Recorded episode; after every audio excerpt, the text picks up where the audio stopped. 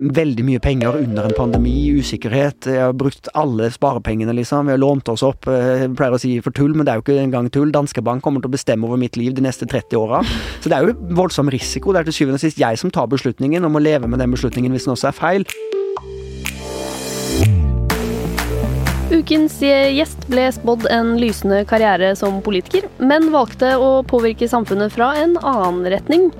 Da faren gikk bort altfor tidlig, så måtte familiebedriften få en ny sjef, og det ble den da halvstuderte 25-årige arvingen. Og så langt så har det jo altså gått eh, ganske bra. Velkommen til Voksenpoeng med meg, journalist Nora Rydne i E24. Og velkommen hit, administrerende direktør Jan Christian Vestre i møbelprodusenten Vestre. Tusen takk, Nora. Nå er du altså ikke halvstudert, skjønte jeg. Nei, jeg ble ferdig til slutt. Da kjører vi tre kjappe. Er du klar? Ja. Hva er det beste du har gjort for karrieren? Jeg tror kanskje å ikke legge en sånn veldig karriereplan, men når jeg har eh, tatt viktige beslutninger som har påvirket karrieren, så har jeg gått veldig inn i det jeg har gjort. Så det tror jeg også kanskje er tipset. Ikke stresse for mye, men når du først gjør noen ting, så gjør det skikkelig og ordentlig. Hva er det beste du har investert penger i? Jeg investerer liksom ikke så mye penger, da, men jeg har jo fått investere en del på vegne av familiebedriften. Og da vi bygga ny fabrikk i Torsby i 2013, så var jo det ganske stor risiko da, men det har vist seg å være en veldig god investering. Så det er jeg veldig stolt og glad for at vi gjorde. Hva er det verste du har investert penger i, da? Ja, det er også sånn fabrikkting. da Vi skulle digitalisere for noen år siden og kjøpte noen sånne der uh, iPads som eh, skulle fortelle eh, operatørene nøyaktig hva de skulle gjøre uten at det var på papir, og vi ante ikke hva vi kjøpte, og det tror jeg ikke de som solgte dette visste hva de leverte heller, så det gikk straka veien i do. Og det tapte vi masse penger på, men vi ser oss jo ikke tilbake og får prøve bedre neste gang. Sånn på privatfronten så kjøpte jeg motorsag for noen år siden med alt tilleggsutstyr du kan tenke deg, liksom, og den er brukt sånn ca. én gang hvert femte år, så det var ikke så lurt. Men det var ikke en veldig stor investering, da. Motor... Nei, hæ? Ja, motorsaga. Det er Hva kjekt å ha. du med det? Nei, det er jo kult, da. Du bor i Oslo. Ja, men jeg har hytte på Vestlandet og sånn, og så Ja, er jeg jo vestlending, så tenkte jeg motorsag, det må jeg jo ha, det kan jo være praktisk, du vet jo aldri når du får bruk for den. Men eh, det fikk altså ikke bruk for den, så det får man tenke seg nøye over, tror jeg, før man kjøper. Kan heller låne av noen. Nå har jeg masse trær jeg skal kutte ned, da, for vi driver jo og bygger møbelfabrikk på Magnor i Innlandet, og der er det jo furutrær overalt. Så vi Ja, og da kutter du dem selv. Ja, og da vi fikk eh, liksom tillatelse og satte i gang i fjor høst, så fikk jeg kjøre sånn skogsmaskin. Den heter Rotten og er svensk, og det er sånn megakult. Da sitter du liksom inne i et førerhus, og så har du to joysticks, og så feller du trærne på null komma niks. Det var superkult. Så det frista egentlig til gjentakelse. Så hvis noen har noen trær i, eh, til overs, så kan jeg komme både med motorsag og kanskje også en skogsryddemaskin. Vi får se om jeg får låne den. Det blir neste dårlige private investering. Ja. En sånn. Ja. Må du ikke ha sertifikat? Mm, Jeg håper ikke det, fordi jeg hadde ikke det. Ok, så var det da sånn at du ville bli skogsarbeider da du var ung?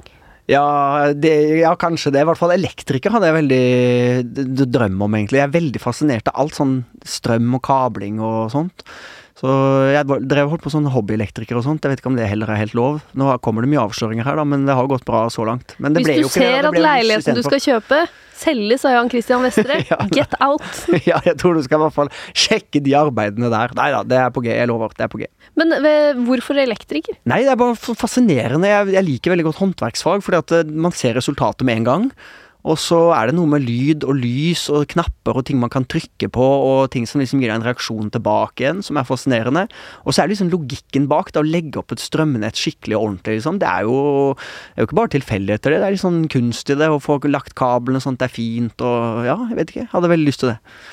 Men eh, det ble jo ikke det, da. Det ble jo allmennfag, og det var jo helt fint. Og så ble det jussen etterpå, så det er ganske langt fra elektro til juss. Men jeg tror kanskje hvis jeg hadde valgt på nytt, så hadde jeg nok kanskje satsa på yrkesfag den gangen. Norge trenger fagarbeidere.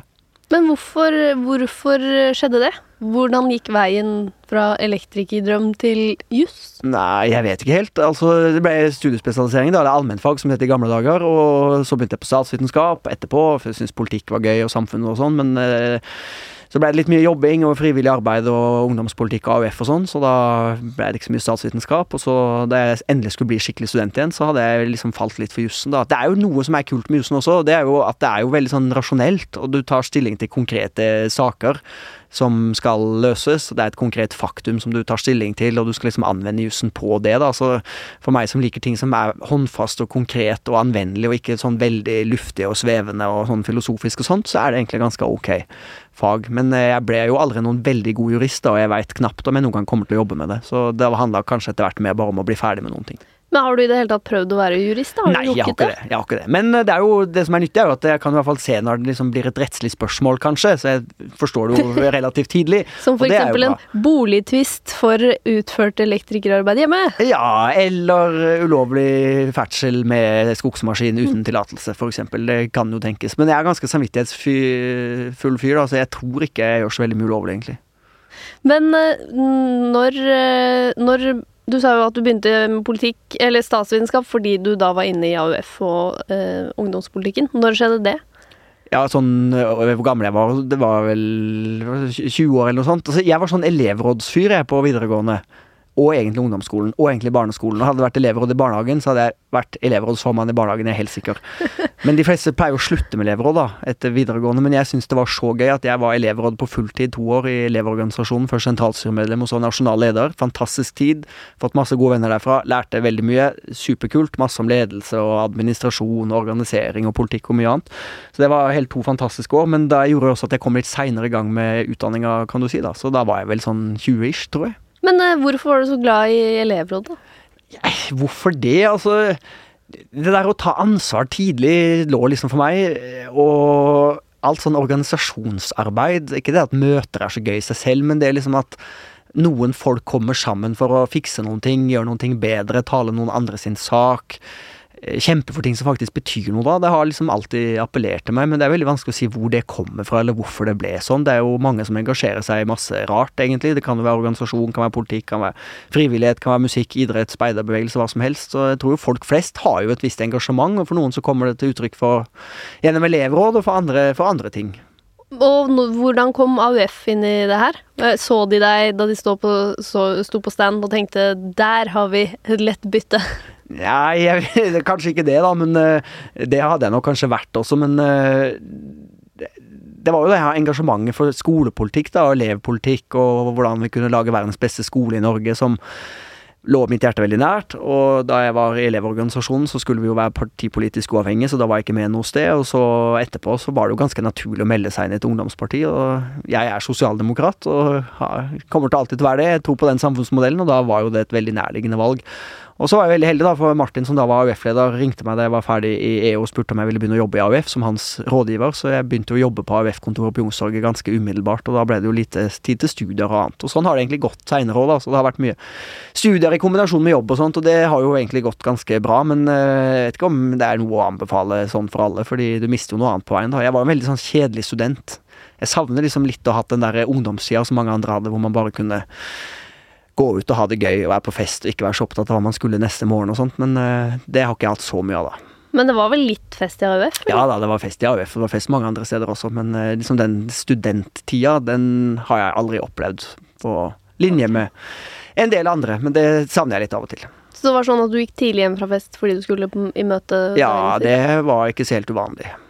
Men vi hadde også det slagordet 'helt om natta, helt om dagen', da, så det var helt greit å være oppe og feste og ha det gøy hvis man gjorde det. Nå var ikke jeg noen sånn voldsom festløver, kan jeg avsløre, men uh, det var i hvert fall uansett viktig hvis man var det, at man også var tidlig på neste morgen og, og, og holdt seg til de forpliktelsene man hadde, da. Ja. Vet du, og engasjert ungdom er egentlig veldig sånn ordentlige folk. Som respekterer når de har et møte og tid, og det er veldig, sånn, veldig mye sånn seriøse folk. Så jeg har vanket mye med seriøse folk. Det har sikkert blitt en seriøs kar, tror jeg. Men du vokste jo da også opp i Vestre, Ja. familiebedriften, som din far startet.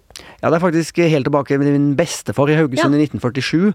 Så velta den bedriften i 1988, og så ble den reetablert av min mor og far da, og, og sånn i Oslo i 1988. og Da var jeg ett og et halvt år, og da flytta vi til, til Oslo. Så jeg er født i Haugesund, og derfor jeg skarrer på r-en og har litt rart tonefall og sånt. Jeg føler meg ofte som vestlending, men jeg er også veldig glad jeg har vokst opp i Oslo. Det er en fantastisk by. Så da begynte liksom reisen på nytt igjen, da. Så jeg husker veldig godt, for mine foreldre hadde jo hjemmekontor de første åra. Det var ganske knappe ressurser, for å si det forsiktig. Så mm, det var jobb eh, dag og natt, og helger og ferier og det som var. Og det var vel ikke den eneste middag, tror jeg, hvor ikke jobb ble diskutert. Så jeg fikk det jo litt sånn inn med morsmelka, kan du si. Men jeg hadde aldri noen plan om å ta over. Det var heller aldri noe vi prata noe særlig om, og før det plutselig da skjedde. Ja, ok, for det var aldri noen som helst tanke om at du skulle inn der på noen uh, måte. Hadde du liksom sommerjobber der? Ja da, det hadde jeg. Altså, jeg var jo med sånn fra tidligere. Vi hadde så, sånn uh, liten uh, hva skal jeg si, kontor under pappas kontorpult, for jeg var sånn fire-fem og hadde mine egne visittkort. Jeg vet ikke helt hva produktivt arbeid jeg gjorde, men jeg var i hvert fall med, følte jeg selv. Vent da, Og- Hadde du laget de selv, eller hadde du fått trykket opp? Nei, det jeg lagde de selv. Det er veldig okay. enkelt, for jeg heter Jan Christian, og pappa heter Jan, så det var egentlig bare å skrive da Christian mellom liksom fornavnet og Ah. etternavnet. Så det var, ikke, det var relativt enkelt, men det var veldig hyggelig. For en, en liten gutt så er jo det veldig stas å ha visittkort og pult under en annen pult. Så det hørtes litt rart ut, forresten. Men eh, det var, det var, det var, det var en fin tid. Og så mm, var det mye sånn der legge altså brosjyrer i konvolutter og sende ut ting og være med på messer og bære ting og fikse ting og sånt. Det var stas. Jeg tror den første ordren, sånn kundebestilling, den tok jeg imot da jeg var sånn 10-11 år, og det var da en kontrakt tror jeg, på sånn 150 000 kroner eller noe sånt. Og ettertid syns jeg det er litt rart da, at det ringer noen og skal kjøpe møbler av en tiåring på 150 000 kroner og ikke stiller et eneste kritisk spørsmål til at den andre enden åpenbart er et barn. Men det gikk jo fint, da. De fikk det de skulle, og alt gikk bra og sånn. Og så tror jeg jeg var 12-13 år da jeg hadde første sånn ordentlig ansettelse. Da var jeg datasjef i Vestre på 7,5% stillingsbrøk. Så det var liksom første arbeidskontrakten da. Jeg tenker jo at du var jo uh, tydeligvis et veldig seriøst barn, så det kan hende de ikke skjønte at du var et barn. Det kan tenkes, men det er jo litt sånn stemmen burde jo kanskje avslørt, og litt sånn andre ting, men jeg vet ikke. Ja, jeg er veldig seriøs og har vært det alltid. Kanskje litt for seriøs, egentlig, men eh, ja ja, man er den man er. Det er bare sånt der. Man får gjøre det beste ut av alt. Men eh, hvorfor Altså, var det ingen som stilte spørsmålet om at du skulle bli noe mer enn datasjef på 7,5 stilling? Ja, noe å leve av, mener du? Nei, det var egentlig ikke det, fordi at eh, mine foreldre var veldig opptatt av at jeg måtte gjøre det jeg hadde lyst til, og eh, jeg skulle jo liksom ta disse studiene, var opptatt av første elevorganisasjonsting og AUF og ungdomspolitikk, og begynte å jobbe på Stortinget etter hvert, og hadde liksom huet andre steder, da. Ikke fordi at det var noe jeg planla eller brant for, eller liksom tenkte jeg skal holde på med politikk og organisasjonsliv hele livet, men det var liksom noe jeg hadde følte jeg fikk til da, og syntes var veldig gøy, og ga mye mening, og trivdes veldig godt med det. Og så ble pappa sjuk da jeg var 24-25 og fikk kreft og døde ganske brått, så vi rakk egentlig knapt å snakke om det der generasjonsskiftet, men da når du plutselig blir stilt overfor det valget om du skal ta over eller ikke skal ta over, så er det jo en del forventninger knyttet til det, da, både forventninger man har til seg selv, men også omverdenen og sånt. Og jeg hadde også sett hvor hardt mine foreldre hadde jobba i veldig mange år, og så liksom endelig begynner dette å gå bra og tjene penger og vokser, og det er et fundament å bygge, og så fikk ikke pappa være med på det, da, istedenfor å få liksom også, hva skal vi si, eh, nyte litt av det man hadde skapt. Og da ble jeg litt sånn fandenivoldsk, så tenkte jeg pokker heller ass, dette skal jeg være med på å ta videre, og ta ansvar for at det går bra. Ja. Og da ble egentlig den konklusjonen litt. Men jeg må bare si, dette er jo ikke unikt. Vi har over 8000 familieeide bedrifter i Norge, og sånne generasjonsskifter skjer jo, og noen ganger er de planlagt, og man har god tid. Noen ganger har man så god tid at eh, den, hva skal vi si, utgående generasjonen fungerer som sånn syvende fedre og mødre i huset, som egentlig er en belastning mer enn en støtte. Andre ganger er det ganske tima og tilrettelagt, og noen ganger går det veldig fort som hos oss, da. Så det er mange som har opplevd det her. Det er ikke noe unikt over det. Så det var første gang du tenkte på det. Ja, egentlig var det det, i den tida der. Det er sant. Og det var jo litt rart, for det var jo oppe i en personlig sorg også, og mye annet som skulle håndteres. Men eh, sånn ble det bare. Jeg har ikke angra på det etterpå, men det var spennende der og da, selvfølgelig. Det skal vi jo snakke litt mer om, men så lurer jeg først på dette med AUF. Ja. Du kom jo da fra en industrifamilie som har bygget opp og tjent mye penger. Var det sånn at uh, familien din også var sosialdemokrater? For jeg ville tenkt at det er en sånn åpenbar høyreoppvekst. Ja, men eh, så tjent mye penger det hadde de nok ikke, fordi at dette her velten, eller konkursen da i 88, og vi flytta til Oslo og reetablerte, så var det, det var veldig tøft i mange år. Med røde tall og egentlig ikke noe særlig inntekt i det hele tatt. Så jeg har egentlig opplevd, aldri opplevd at jeg har hatt en sånn type oppvekst, men så gikk det jo bedre etter hvert. Jeg tror nok verdigrunnlaget delte mine foreldre fullt og helt, og det kom jo fra et sted. Mamma har også vært aktiv i Ap som bydelspolitiker og sånn. Pappa meldte seg inn etter hvert, men flagga egentlig aldri noe sånn veldig standpunkt. Jeg vet ikke hva han stemte i ungdommen. Men øh, jeg tror jo at de verdiene er forenlige, da, og det er masse folk i både næringsliv og industri som også er sosialdemokrater, rett og slett fordi sosialdemokratiet er et veldig godt redskap for å skape verdier. De skal deles solidarisk, og vi skal ha velferd for alle, men vi skal også skape de verdiene, og det er vel mye som tyder på at øh, verdier skapes best i en samfunnsmodell der alle har like muligheter til å lykkes, og der det er sosiale sikkerhetsnett som gjør at folk faktisk tør å innovere og ta privat eh, risiko, og der man har et godt utbygga gratis eh, helsevesen, skolesystem for alle, veier, infrastruktur, og alt det som gjør at vi i næringslivet faktisk kan skape arbeidsplasser og tjene penger. Så jeg syns egentlig det er ganske naturlig. Men det var politiker du skulle bli. Nei, det var ikke det, fordi jeg la aldri noen plan om det, men det ble litt sånn etter elevråd og elevorganisasjon og AUF, og så syntes jeg det var veldig gøy, men jeg har liksom aldri tenkt at jeg skal jobbe med det hele livet, eller hadde noen sånn karriereplan. Jeg har vært egentlig veldig dårlig på å legge sånne planer, og egentlig levd mer i nuet og tatt på meg de oppgavene som har vært aktuelle når de har vært, og sagt stort sett ja til ting. Men øhm, man vet jo aldri. altså Nå har jeg en jobb jeg stortrives med og syns er superkult. Og det er mye politikk i næringslivet også. Da jeg overtok ansvaret i Vestre da jeg var 25 år, så kan jeg jo si at jeg var jo ikke sånn superopptatt av møbler, egentlig. Og jeg er ikke sånn veldig opptatt av møbler nå heller, så for meg har det heller vært hvordan kan vi bruke familiebedriften som et redskap som også er politisk, ikke partipolitisk, det er viktig å si, men mer ideologisk, verdimessig. Hvordan kan vi være et annet type selskap som faktisk tar samfunnsansvar, ikke bare snakker om det, som bygger samfunn, skaper arbeidsplasser. Eh, vi har jo mål om å bli kjent som verdens mest bærekraftige møbelprodusent. Vi jobber jo veldig mye med bærekraftprosjekter. Jeg vil jo si mange av de prosjektene har en veldig tydelig politisk side også, da. Så det er politikk i næringslivet også. Så lenge jeg føler at jeg får utløp for det der, så er det helt topp. Så kan det jo komme andre tider seinere, kanskje, hvor det blir mer og mindre politikk. Vi får se.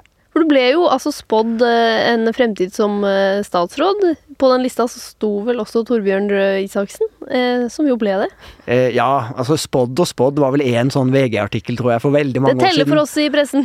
jo da, det kom jo fra dette huset også, men det er veldig mange år siden. Da, da, da var jeg leder av Elevorganisasjonen, og det er jo sånn at når du er leder for en eller annen organisasjon eller stikker huet fram, så er det jo ikke sånn veldig rart at man av og til kan havne på en sånn liste, kanskje. Men eh, det skjedde jo, som vi da vet, ikke. Men du tenkte ikke det da du kom på den lista sånn Yeah, det skal jeg. Nei, jeg gjorde ikke det, fordi det å ta ansvar for meg og ta på seg om det er en jobb eller verv eller forpliktelser, det har liksom aldri handla om sånn personlig jag etter posisjoner. Altså, jeg er veldig sånn sikkert utaktisk òg, for jeg er ikke så veldig opptatt av posisjoner. og har aldri vært det, og har heller ikke noe sånn voldsomt konkurranseinstinkt på vegne av meg selv, liksom. Så jeg, jeg, har liksom ikke det behovet. Men å få være med og gjøre en forskjell for folk, og føle at man får brukt seg og bidra til positiv endring uansett hvor det er, det er jeg veldig opptatt av. Så jeg tror kanskje ikke jeg heller hadde egna meg så godt for sånn type politiske oppgaver, kanskje. Hmm, interessant. Ja, det er det kanskje. så det var aldri planen? Du skulle, Nei, det var aldri du skulle bli jurist. Ja, det var vel Nå spør du vanskelig spørsmål, for det var, det var, jo heller egentlig ikke en sånn veldig plan. Så egentlig hele både studie og jobb har blitt litt sånn til mens det har blitt sånn, egentlig. Og jeg har hatt veldig lave skuldre på det, da. Jeg tror jo det, som jeg sa innledningsvis, også er litt lurt. For det er veldig vanskelig å legge en plan, for det skjer ting både i livet, personlig, karrieremessig, ting man ikke har kontroll på, som gjør at man kanskje uansett havner et annet sted enn det man først så for seg. Så jeg har veldig respekt for de som i ung alder bare veit at det er dette jeg skal drive med hele livet, men det er veldig sånn fjernt fra hvordan jeg selv kunne planlagt, fordi jeg ville da ikke visst hva som var svaret på det spørsmålet. Og så følte du at det var lettere å påvirke ting fra næringslivet enn politikken? Eller var det en erkjennelse som kom liksom etter at du var i gang i Vestre? Ja, Det spørs jo hva som påvirker. fordi at Du har jo ikke liksom den direkte påvirkningen som du har i politikken gjennom konkrete politiske vedtak. Men næringslivet har jo også en ganske viktig betydning på veldig mange måter. Så du kan jo også drive politikk der både med egen atferd og hvordan egen virksomhet beter seg, og hva man gjør og hva man ikke gjør, som det er mange eksempler på, men også gjennom symbolkraft, da, prøve å inspirere andre bedrifter til å tenke annerledes, ta ansvar for rettferdig fordeling, bærekraftig utvikling, ikke bare snakke om klima, men faktisk gjøre ting som betyr noe for klima. Så av og til så tenker jeg at eh, i hvert fall på noen områder så har nok næringslivet også kanskje større mulighet til å påvirke politisk enn det politikken har. Politikken er veldig bra, men det som er litt synd med politikken, er jo at ting kan ta veldig lang tid. Fordi politiske prosesser kan være ganske tungrodde, og det er jo på godt og vondt, av og til også på vondt. Og så er det jo det at politikken er jo dessverre litt sånn at uh, hvis du er med Unge Høyre og jeg er med AUF, så er vi liksom per definisjon uenige bare for å være uenige, selv om kanskje du av og til har noen gode poenger og jeg noen ganger har noen poenger, og egentlig burde vi kanskje satt oss ned sammen og jobba mer sammen og kommet fram til felles enighet. og Det er sånn jeg ikke savner fra politikken. Det der spillet og posisjonene og være uenig med motstanderen bare fordi at det er valg om to år, liksom. Jeg syns at de utfordringene Norge og verden står overfor er så store og så viktige at vi må faktisk jobbe sammen. Og da er det ikke sånn at ett parti har alle svarene. Da bør vi kanskje være mer opptatt av eh, samarbeid, da. Og det er vi kanskje bedre på i næringslivet. Vi har en spalte eh, her i Voksenpoeng, tabbespalta. Hva er den eh, største tabben du har gjort i karrieren, Jan Christian? Altså, det er jo helt sikkert flere ting, men det som sånn umiddelbart slo meg, er eh, Da jeg kom inn og tok ansvar og skulle ta Vestre videre, så var jeg veldig opptatt av at vi skulle vokse ut i Europa og ut i verden og sånn. Vi skulle liksom ta med oss denne her tanken om demokratiske byrom og sosiale møbler og allemannsrett ut. Så vi satte veldig mye inn på å vokse, og vi vokste mye og fort. Det er fullstendig undervurdert, er at produksjon er ganske komplisert. Industri er ganske produsert. En ting er å lage en app som skaleres opp uh, tusen ganger, liksom. Det er å trykke på en knapp, mer eller mindre. Det er mye arbeid bak, men når du først har det på plass, så kan du kjapt oppskalere det. Men vi som driver med produksjon av fysiske objekter, vi skal faktisk lage hver eneste ting. Og det ble litt krise for noen år siden, jeg tror det var i 2015, fordi vi vokste mye kjappere enn det vi faktisk klarte å håndtere. Og jeg hadde fullstendig undervurdert kompleksiteten i produksjon, og det ble ikke noe særlig hyggelig for sinna kunder og lange leveringstider, og folk jobba mye overtid, og det var ikke noe god stemning, men vi lærte jo av det og tok de grepene som var nødvendige, heldigvis, og nå er vi bedre rigga da. Men um, det er jo litt sånn at uh, veien blir jo til, og alle gjør jo feil og tabber av og til. Og hvis man er så redd for å ikke gjøre rett, eller så redd for å trå feil at man på en måte ikke setter i gang med nye prosjekter, så stopper jo også all utvikling, da. Så jeg tenker liksom folk flest skal være litt mindre bekymra for å trå feil, fordi det går alltid bra, eller nesten alltid bra i hvert fall, og være mer opptatt av å faktisk teste ut ting og prøve ut ting og ta litt risiko sammen. Var det litt uh, ungdommelig overmålt uh, der? Ja, det vil jeg tro. Sånn er det med jurister som skal inn i produksjon. Det er liksom ikke det vi er best uh, eh, egna på. Men jeg lærte mye av det da, og nå har jeg satt meg veldig inn i alt med produksjon og kan de fleste maskinene og er litt sånn produksjonsnerd, også fordi at jeg liker veldig godt håndverk og det tekniske og hvordan maskiner og prosesser fungerer og sånn. Så nå kan jeg nok bidra til å ta litt mer kvalifiserte beslutninger, kanskje. Og så stoler jeg veldig på organisasjonen rundt meg. Da. Altså De som jobber med produksjon er veldig flinke, og, hos så har vi sånn policy at vi slipper til talent studenter, uansett hvor gamle de er. Så folk som kommer rett fra yrkesfag og har gått uh, sveiselinja hos oss, hvis de er flinke, så får de liksom mye ansvar veldig, veldig tidlig, i 20-21-årsalderen. Og de kan det jo bedre enn meg, så kjør på. Da du var 25, så jobba du altså i eh, Arbeiderpartiets stortingsgruppe. Var rådgiver. Det er riktig. Og så ble faren din syk. Ja. Og så gikk det ganske fort derfra til ja. at han gikk bort. Når startet liksom prosessen med å tenke skal det bli meg, eller skal det bli noen andre? Ja, det var faktisk eh, de siste ukene pappa levde og var mye på Ullevål sykehus, på kreftavdelingen der, hvor det etter hvert liksom gikk opp for oss alle at dette kommer ikke til å gå bra. Pappa var veldig sånn optimist, og selv om det var en veldig alvorlig diagnose, så ble det liksom litt sånn lagt Hva skal vi si Litt sånn det er kanskje en vei likevel, vi får se. Ja. Så jeg tror bare vi liksom unngikk det uunngåelige, men til slutt så kunne vi jo ikke det lenger, og da ble det tema. Nå er det jo en del år siden, så jeg husker ikke nøyaktig hva vi prata om og sånn, men det jeg husker veldig godt, er pappas reaksjon da jeg sa over sykesenga at uh, jeg har bestemt meg, jeg skal ringe til Stortinget og si at jeg slutter i den jobben og gå inn i Vestre, og det, det smilet og liksom den litt sånn han var veldig opptatt av at jeg skulle velge selv, men jeg tror han var veldig glad for det valget og ville gjerne at det var det jeg skulle velge også. Det, liksom det smilet og litt den der lettelsen, tror jeg, og sånt, det, det kommer jeg aldri til å glemme. Og Det høres jo litt pompøst ut, men man kan jo forestille seg selv hvordan det er med Uansett hvilken familierelasjon det er, man er glad i hverandre, og det er ikke sånn vanntette skille mellom hva som er jobb, og hva som er privat, og hva som er familieliv og sånt. Og jobben var veldig viktig for pappa, og jobba veldig hardt i mange år for å få det til, og det å vite at eh, familien og sønnen da, og sånn tok det videre, tror jeg betydde veldig, veldig mye. Men Var du da forberedt på at det kom til å skje bare noen uker etterpå? Ja, det var jo til og med kanskje snakk om dager på slutten der, tror jeg. For sånn er det jo dessverre med sånn sykdom at det går Det er jo forskjellig, men i dette tilfellet så gikk det veldig fort på slutten, da. Så da, da forsto jeg det. Og han døde 12. juli i 2012, og det var ikke lenge etterpå jeg var i gang med jobben i Vestre. Da måtte avslutte noen prosjekter på Stortinget. Jeg husker vi holdt på å lage stortingsvalgprogram og diverse, så jeg var veldig opptatt av å ja, ivareta de forpliktelsene jeg hadde og det, den jobben jeg skulle gjøre, og gjorde det ferdig så fort jeg kunne. Og Stortinget var veldig forståelsesfulle, Arbeiderpartiet også, og da var det på full fart inn. Jeg husker godt den første dagen, da hadde vi landsstyremøte i Arbeiderpartiet, og jeg jobba sammen med en gruppe som skulle lage ny kunnskapspolitikk, ledet av Trond Giske på den tida. og vi var i, i Folkets hus og kledd i dress og veldig fint, og så var det bare å løpe derifra etter den fremleggelsen til Trond og rett opp på familie barndomshjemmet, da, hvor vi fortsatt hadde hjemmekontor, og av med dressen, for det så litt eh, loco ut der, og inn i første møte med designeren om et ny benk som skulle lages. Det var veldig kontrast, husker jeg, men uh, det var gøy. Og så husker jeg Trond ringte et par ganger, da, så jeg måtte løpe til hagen for å svare på noen spørsmål om noe. hvor vi hadde inndekning på et eller annet forslag om gratis leksehjelp, eller hva det var for noe. Vi hadde selvfølgelig svar på det, da, men det ble en sånn veldig kontrast da, fra politikk og leksehjelp og statsbudsjett til uh,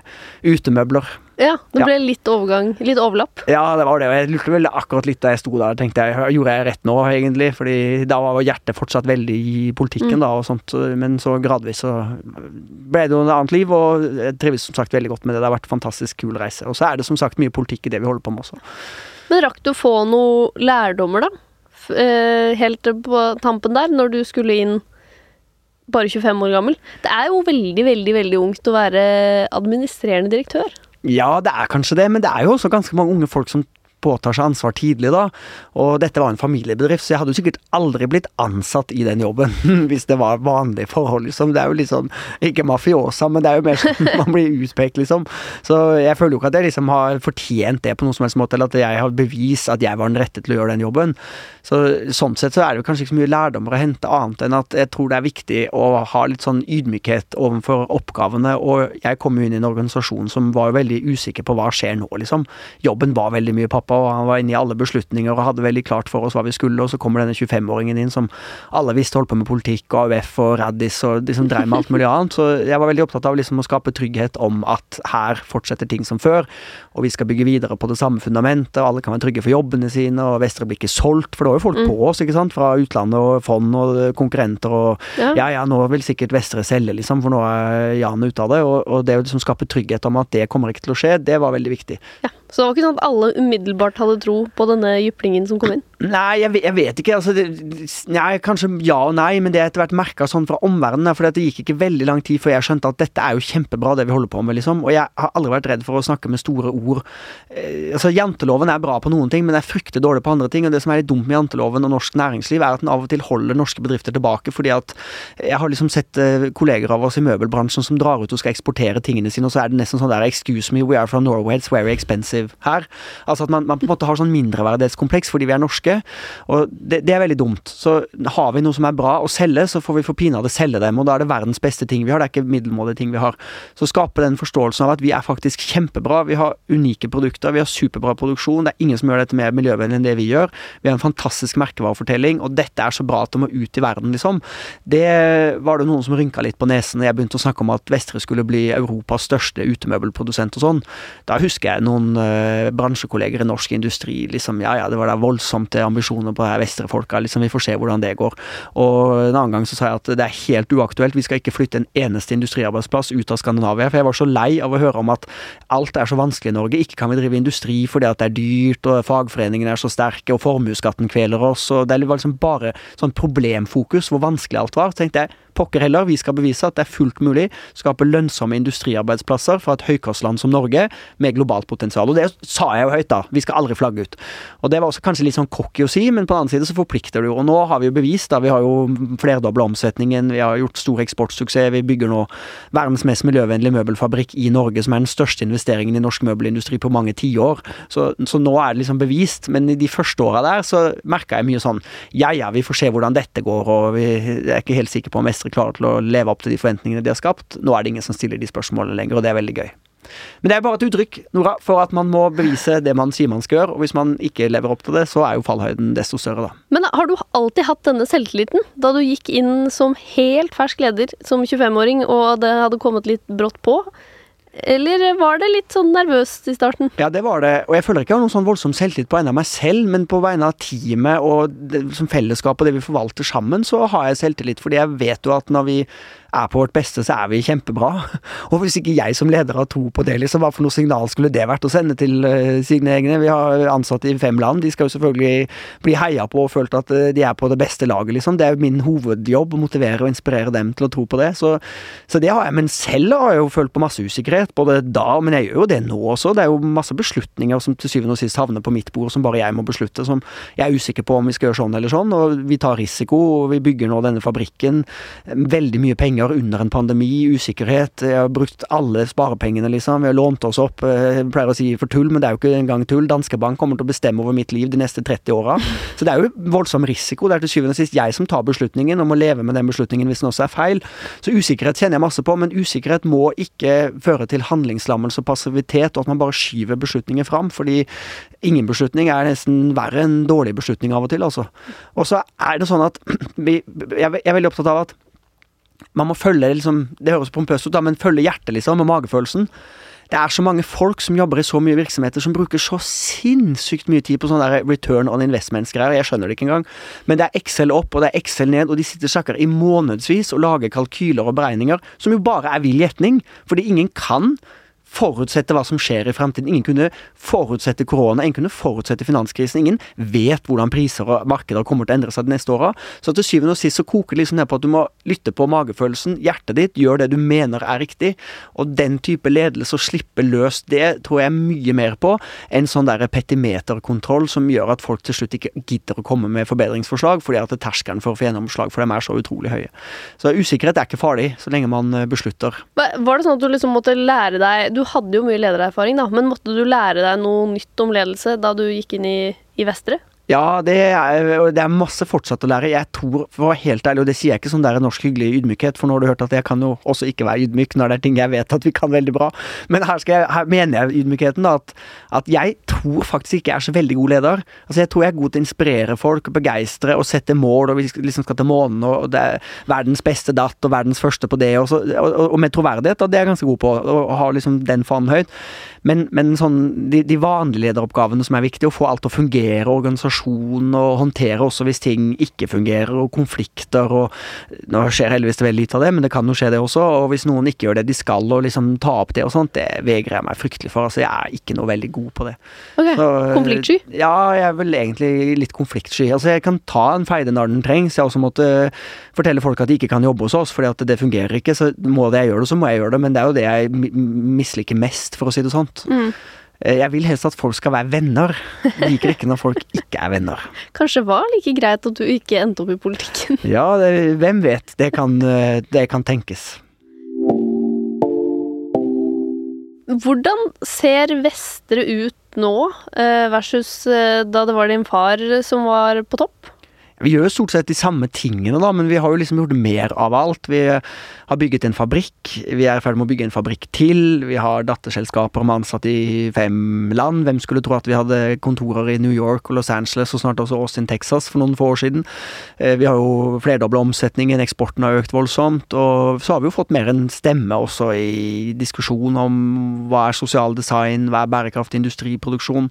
Jeg er veldig stolt over at jeg tror vi har klart å inspirere en del i norsk industri til å faktisk se mulighetene, ikke bare begrensningene, og kanskje skapt en mer sånn positiv oppmerksomhet rundt at i Norge har vi faktisk alle muligheter i verden til å konkurrere. Ren energi, rene råvarer, design og merkevarer fra Norge er liksom superhot internasjonalt. Vi har norsk arbeidslivsmodellen, trepartssamarbeid, høy organisasjonsgrad, kreativ befolkning. Liksom alt dette å sette ord på det, da, i en tid der veldig mange industriledere bare har klaga og sutra over formuesskatten, som er liksom betyr betyr nesten ingenting i det store bildet, mener jeg, istedenfor å fokusere på alle mulighetene. Og der tror jeg nok vi har bidratt også som en sånn positiv kraft. da, Så mer av det samme, kanskje. Litt tydeligere sånn politisk engasjement i at man som bedrift også kan påvirke samfunnet. Og ikke minst også at vi gjerne vil være en del av hele liksom, eksportløftet, da, fordi Norge trenger mange flere vekstkraftige eksportbedrifter. og Vi er en av dem, og vi vil gjerne ha med oss flere også. Men det, var det eh, bærekraftsfokus og du er jo også opptatt av at dere ikke skal levere fiendtlig design, som det heter. Altså sånn pigger og eh, diverse løsninger, sånn at uteliggere ikke kan ligge på benkene, f.eks. Eller hvem som helst eh, ikke kan ligge på ja. benkene, for den saks skyld. var det noe som var i Vestre før du tok over? Jeg tror ikke vi gjorde sånne prosjekter før heller, men nå har vi jo et uttalt mål om at vi ikke skal gjøre det. Vi er jo faktisk i krig mot sånne prosjekter hele tiden. Heldigvis ser man det veldig lite i Norge og de nordiske landene, og det tror jeg fordi allemannsretten står såpass sterkt at vi kunne liksom ikke tenke oss at vi skal holde noen folk borte fra felles by- og bygderom, men i USA og Europa er jo dette veldig vanlig. Og vi sier jo nei til sånne prosjekter regelmessig, og sånn bedriftsøkonomisk er det veldig tullete å si nei til kommersielt sett lønnsomme prosjekter, men det er rett og slett en erkjennelse av at vi mener at har man skapt et samfunn der noen mennesker ikke har tak over huet, så får det behandles som et sosialt problem med politiske reformer. Det er liksom ikke min jobb som norsk møbelprodusent å bringe installasjoner ut i uterommet som bare har som formål å holde svake mennesker borte fra fellesarealene våre. Da, og det å liksom ta det standpunktet så tydelig som det vi har gjort, og også fått noen uvenner av det, da, fordi at eh, kundene syns jo ikke det er så gøy når vi trekker oss ut av prosjektet fordi vi syns det er liksom Ikke møkkafolk, det sier vi ikke da, men fordi vi liksom de Ja, vi setter dem i dårlig lys, da, men jeg mener, man må gjøre det som man mener er rett. Og hvis, bare husk på en ting, Nora, hvis, hvis flere bedrifter slutter å tjene penger på ting som de veit er feil, slutter å tjene ting på ting som er, umoralsk, men begynner å tjene ting penger på ting som er bra, så blir jo verden bedre. Og det er kanskje naivt, men jeg har i hvert fall lært at ingen kan gjøre alt, men alle kan gjøre noe, og alle kan redde verden litt. Og hvis vi klarer å begeistre og inspirere flere bedrifter til å faktisk tenke sånn, at det er greit å si nei til noen prosjekter, rett og slett fordi at de har feil motivasjon. Eh, det er ikke greit å ta masse kortsiktige beslutninger, sånn der turbokapitalistisk, bare for å jage profitt og jage mer gevinst, selv om du vet at det ødelegger klima og miljø, eller du vet at det går over helt, utover helt grunnleggende arbeidstakerrettigheter i mange land. Hvis vi får flere bedrifter til å tenke sånn, så blir jo summen av denne kaka mye større, og da kan vi jo faktisk endre verden litt. Og det positive nyheten er jo at det er veldig mange bedrifter nå som begynner å tenke sånn. Det er privateide bedrifter, det er familiebedrifter, men det er jo også store bedrifter også børsnoterte selskaper hvor det er storkapital inne. fordi at man ser at skal man henge med framover, så kan man ikke tro at bærekraft er noe som går over, men du må faktisk vise at du tar dette på alvor. Da. og Derfor er jeg veldig optimistisk, for jeg tror vi kan mobilisere veldig mye gode krefter da, også i næringslivet. Dere har jo tapt mye penger på å ikke ta eh, sånne oppdrag som dere ikke er helt fan av. Men har dere også vunnet noe på det? Har det gått opp i opp, eller har det gått mer i positiv retning? Det er et veldig godt spørsmål. Jeg håper jo det siste, da. Fordi at du mister jo noen prosjekter. Men det kan jo godt være at eh, andre kunder liker deg så godt fordi at du er på det gode laget at eh, du får flere prosjekter fra dem. Og det kan også bidra til at den fortellingen i seg selv bidrar til at du får mer oppmerksomhet, sånn at du åpner øynene for nye kunder. Så det, det kan godt være. Og er det sånn, så er det jo superfint. fordi at da kan vi også vise at det faktisk lønner seg å spille på det snille laget. Men jeg har ikke noe tall som underbygger det. Jeg vet ikke, og det er ikke derfor vi gjør det. Vi gjør det rett og slett fordi at uh, vi har lyst til å gjøre ting som er riktig, ikke ting som er galt. Og sånne prosjekter er og blir gale. Så du er ikke bekymra for at det er sånn Vestre går under, med Nei, jeg er ikke det. Og så er det også det at det, eh, hvis jeg skal sove godt om natta og ha et lykkelig liv og være happy med meg selv og mine, så må jeg gjøre ting. Jeg er en veldig samvittighetsfull fyr, da. Så jeg hadde fått så dårlig samvittighet av å være med på sånne prosjekter at jeg hadde bare fått det skikkelig vondt av å gjøre det. Så hvis det på en måte var sånn at vi måtte gjøre det for å ha overlevelse, liksom, ja, da tror jeg vi måtte funnet på noe helt annet å drive med. Da kunne ikke jeg gjort den jobben, i hvert fall. Da måtte vi ja, da måtte noen andre ha gjort den. Hyre inn en gribb. Ja, men det spørs om den hadde trivdes så godt hos oss, da. Det kan jo være. Folk hos oss er jo litt sånn der vi skal redde verden-folk. Ja. Men fra alle politiske leirer, altså, hos oss er det MDG til folk som stemmer Frp. Altså, så det, det, det, er liksom, det er ikke noe, vi er ikke noe sånn sosialdemokratisk verktøy, vi. Jeg er det, men vi er ikke det. Men folk hos oss er engasjert, og det er folk som tenker at en benk er ikke en benk, men benk er først og fremst et redskap for å bygge menneskemøter og inkluderende fellesskap der ute, og folk som brenner for klimavennlig industri, gjør ting skikkelig ordentlig, beviser at det grønne skiftet også kan være lønnsomt. Og det engasjementet er veldig sterkt, og når man klarer å mobilisere et sånt engasjement, så tenker jeg man kan få til nesten hva som helst. Så sant, Nå spurte ikke du om det var tips, da, men det jeg tenker som er viktig for ledere, er jo å lage den historien sammen med sine kollegaer, og lage en troverdig historie omkring det, fordi at det skaper bøttevis med engasjement og veldig mye skaperkraft og kreativitet som man kan bruke til utrolig mye positivt utviklingsarbeid, som sikkert også kan regnes hjem kommersielt til syvende og sist. Og jeg tenker om det er motivasjonen, eller det er noe annet som er motivasjonen, så er ikke det så farlig, så lenge man faktisk er med på å redde verden litt. Helt til slutt, eh, Jan Christian. Hvis du kunne reist tilbake i tid og gitt 20 år gamle deg selv et råd, hva ville det vært? Det ville vært å være litt mer sånn ungdommelig. Jeg er litt sånn jeg er gammel sjel.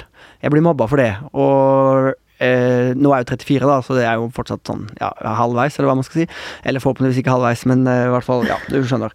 Eh, så da jeg var 20 år, så skulle vært nok litt mer, gitt litt mer F i ting, tror jeg. Det, fordi den tida kommer liksom ikke igjen, da. Så Vært litt mer på fest? Ja, vært litt mer på fest og tatt litt mer sjanser på andre ting. Og kanskje ikke vært så ordentlig og pertentlig alltid, fordi eh, man skal liksom prøve det også. Så det vil jeg si til eh, unge elevrådstalenter som måtte høre på dette, eller andre som er veldig ordentlige og skikkelige og skole... Ja, nok er veldig skoleflinke, da, men de som måtte være skoleflinke, og ta på seg mye ansvar og sånn, det er superbra, men husk også å være ungdom. Nei, nå hørtes jeg fryktelig gammel ut. Men husk ja, altså, å være ungdom. Si, det er jo ikke for sent å dra på fest når du er 34. Nei, nei, nei.